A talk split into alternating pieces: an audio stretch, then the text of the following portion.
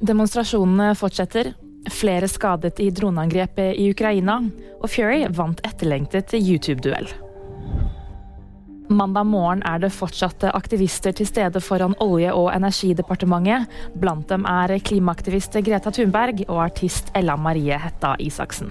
Siden torsdag har aksjonister fra Natur og Ungdom og Norske Samers Riksforbund Norat tatt seg inn i resepsjonsområdet.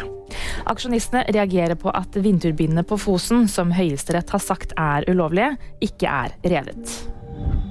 En person skal være drept og flere skadet i et droneangrep i Kelmitski i Ukraina.